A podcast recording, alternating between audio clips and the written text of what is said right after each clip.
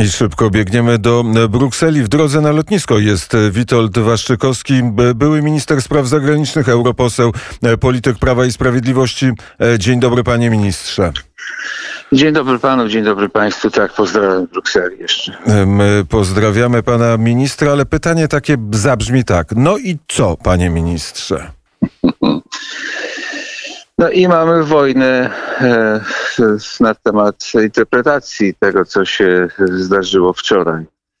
E, to po pierwsze. Po drugie, polityka jest sztuką realizowania możliwości. Te możliwości, jakie były, to widzieliśmy w ostatnich tygodniach, wczoraj w czasie szczytu. No i wydaje się, że te możliwości zostały zrealizowane.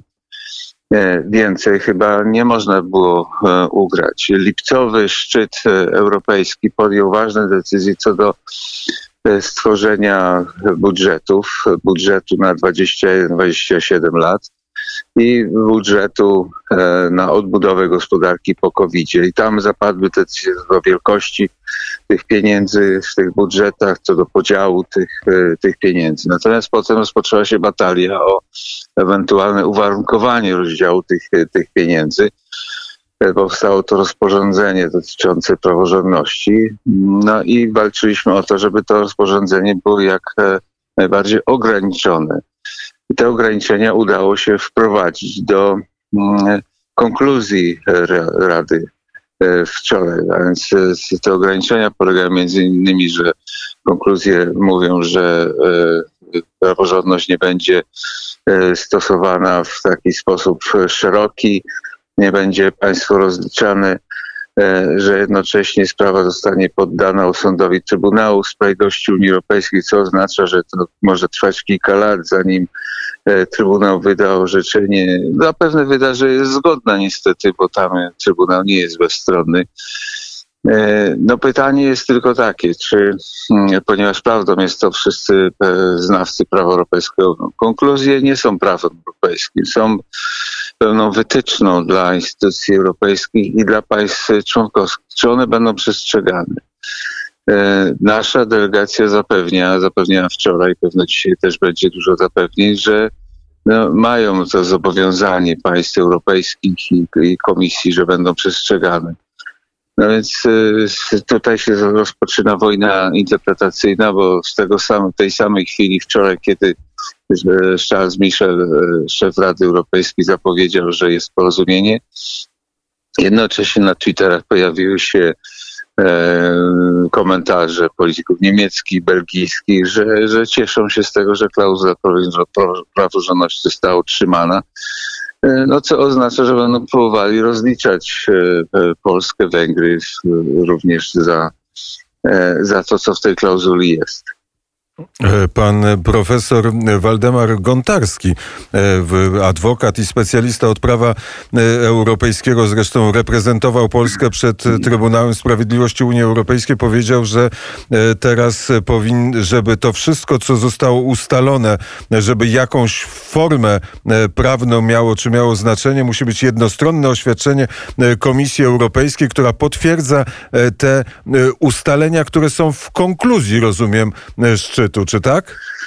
No to by się przydało, dlatego że oczywiście, jak powiedziałem, Komisja Europejska nie jest w ogóle zobowiązana tymi konkluzjami. To są wytyczne. Ona powinna brać je pod uwagę.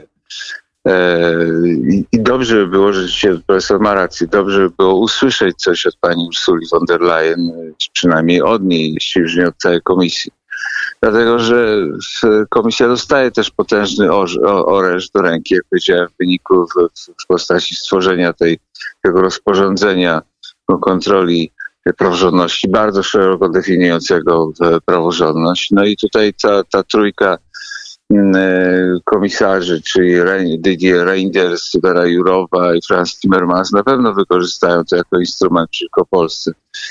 No ja też obawiam się, że nawet jeśli E, dojdzie do tego, czego to zakładamy, że przez dwa lata e, te instrumenty nie będą stosowane, bo będą e, procedowane przez Trybunał Sprawiedliwości, no to po dwóch latach, czyli za dwa, za trzy lata, czyli na rok przed naszymi wyborami, to wszystko wejdzie, wejdzie w życie i jednak będą, będą pokusy w Komisji Europejskich Komisji Europejskiej, wśród polityków liberalno-lewicowych, jak również wśród opozycji, żeby użyć to w kampanii wyborczej w, w Polsce. A jaki ma dar i jaką siłę przekonywania ma pani kanclerz, że przekonała i premiera Polski, i premiera Węgier do tego, żeby jednak nie wetowali i żeby nie zażądali zmiany tego rozporządzenia? To to by trzeba pytać premierów oczywiście, bo z takich rozmów rzadko powstają jakieś e, notatki. Są to rozmowy często kuluarowe, w cztery oczy, w sześć oczu i, i to trzeba pytać premierów. No, media donoszą o szantażu. Media mówią o tym, że w, w przeddzień, e, czy na dwa dni przed pani kanclerz, czy ktoś tam z, z Brukseli jednak powiedział twardo, że E, że będą próbowali stworzyć e, porozumienie 25 e, co do funduszu odbudowy. Mówią o szantażu, że to jest prawda. No może się za jakiś czas przekonamy.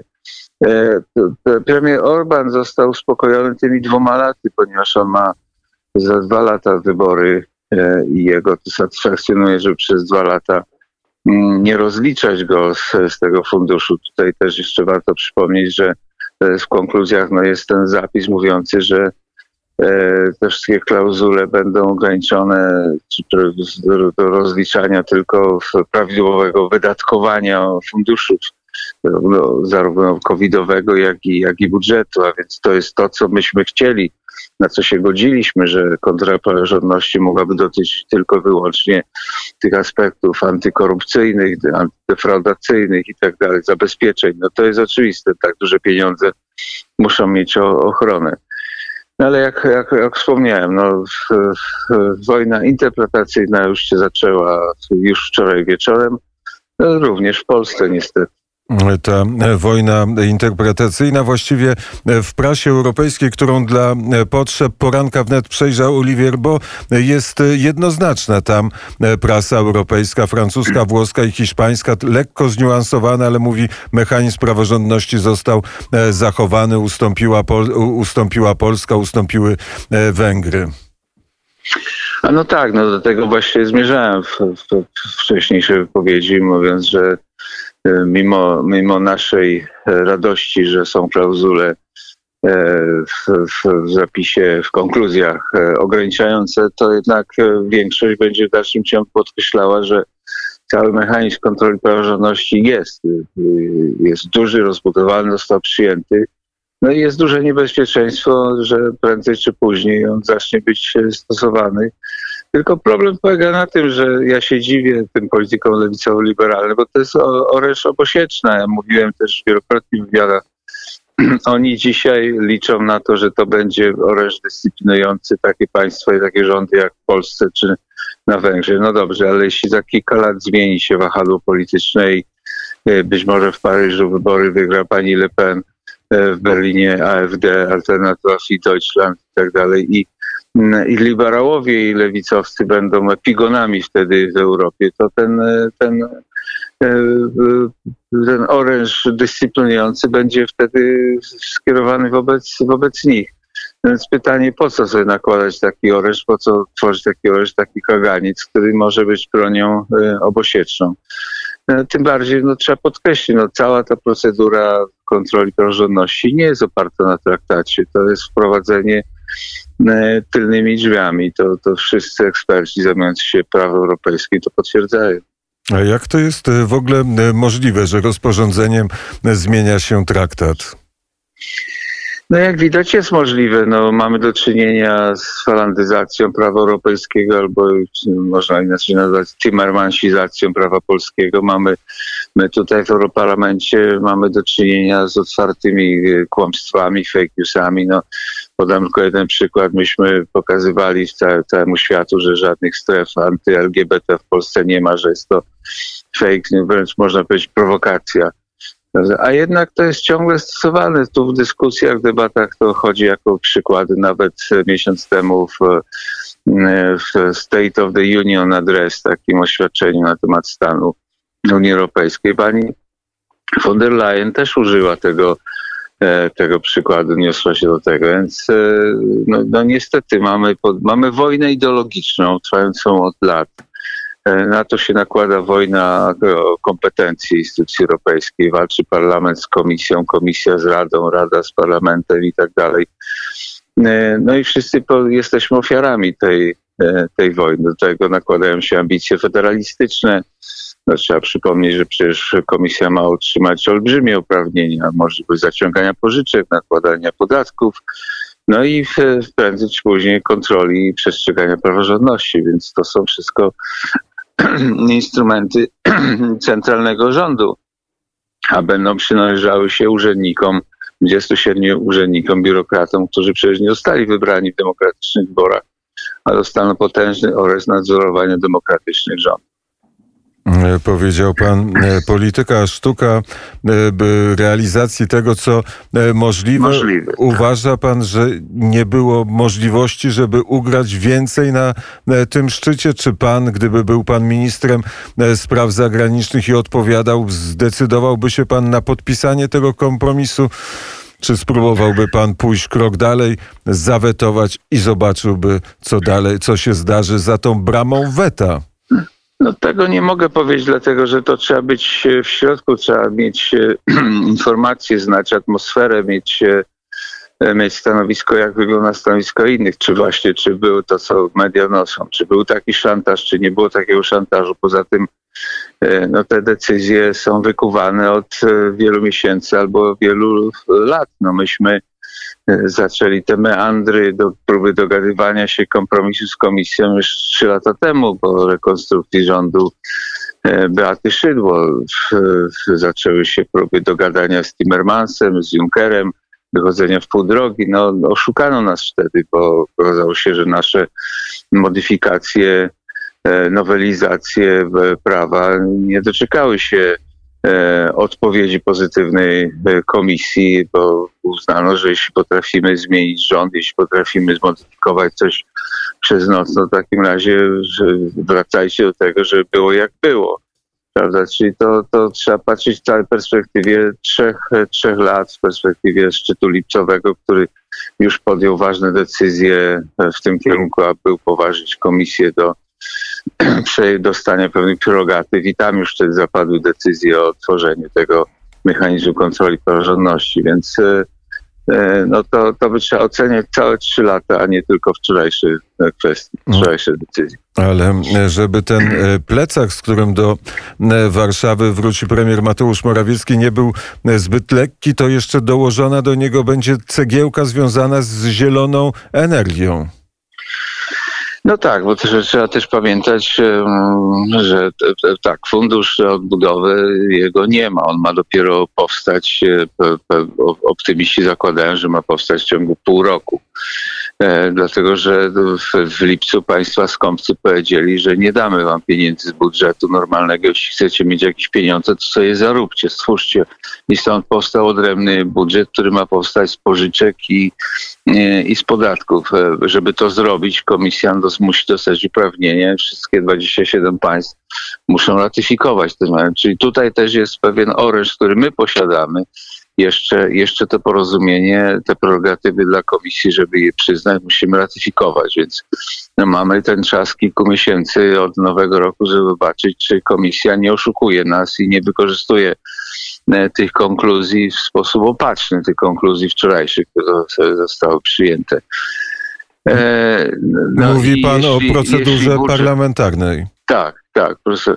No jeśli budżet powstanie, no to, to tam są głównie zapisy, no to też my będziemy mogli korzystać z tego budżetu odbudowy w postaci znowu pożyczek bądź małych grantów i też ukierunkowanych właśnie na niektóre tylko kwestie transformacji gospodarki w kierunku zeroemisyjnej gospodarki e, proklimatycznej i tak dalej. Więc to też nie będzie budżet, z którego będziemy mogli czerpać jak chcemy, na co chcemy, czy na drogi i tak dalej. To znowu będzie mierzony ten ślad węglowy i tak dalej te krowy, co, co tam wydają z siebie. Więc e, no, komplikuje się życie w Unii niestety. Nie brzmi pan euforycznie. No, jestem za długo w tej polityce, żeby, żeby być e, w, w, w euforii. Widzę od lat psucie stosunków międzynarodowych. Widzę, jak powiedziałem, tą zaciekłą wojnę ideologiczną, tą wojnę o kompetencje, tą wojnę przeciwko przeciwko nam. No, ten świat lewicowo-liberalny uważa, że nasze konserwatywne rządy są zagrożeniem, co są alternatywa dla nich nie do przyjęcia, ponieważ te rządy no, kilka razy wygrały wybory w sposób normalny, z legitymacją demokratyczną, a jeszcze do tego rządzą w miarę z sukcesami, więc to jest e, będzie ośmiertelne zagrożenie alternatywne dla tej lewicowo-liberalnej e, większości, jak na razie dzisiaj w Europie, która myślała, że zdominuje na, na zawsze życie polityczne. I nadal ma E, taką nadzieję. Ma taką nadzieję. No i jak widać, oni posługują się wszystkimi argumentami, łącznie z kłamstwami, łącznie z e, zamykaniami dokumentów. No przecież przed szczytem okazało się, że dokumenty z 2018 roku, opinie prawne prawników Rady Europejskiej zostały utajnione, wstrzymane, bo to były opinie negatywne co do e, klauzuli kontroli e, praworządności, pokazujące jasno, że ona jest poza, pozatraktatowa. Więc Do czynienia mamy z takimi przypadkami właśnie jak, jak kłamstwa, oszustwa, wstrzymywanie dokumentów, e, podwójne standardy. E, Pocieszające e, dla nas. Nie wiem, czy dla e, pana ministra jest to, że my mamy żółtą łódź podwodną i zawsze możemy się bezpiecznie zanurzyć. Bardzo serdecznie dziękuję za rozmowę. Dziękuję za zaproszenie, dziękuję, pozdrawiam.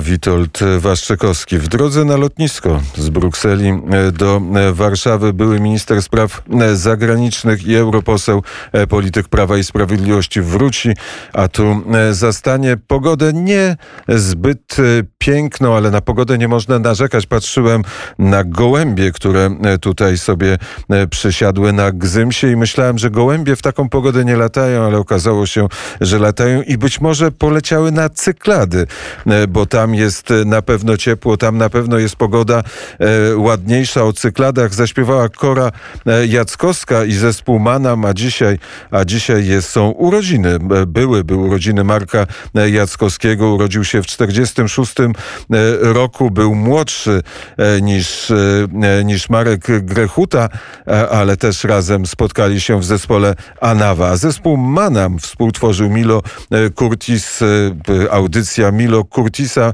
w Radiu Wnet. Na początku był chaos w każdy wtorek o godzinie 20, a teraz, a teraz lecimy na cyklady, by posłuchać cykad.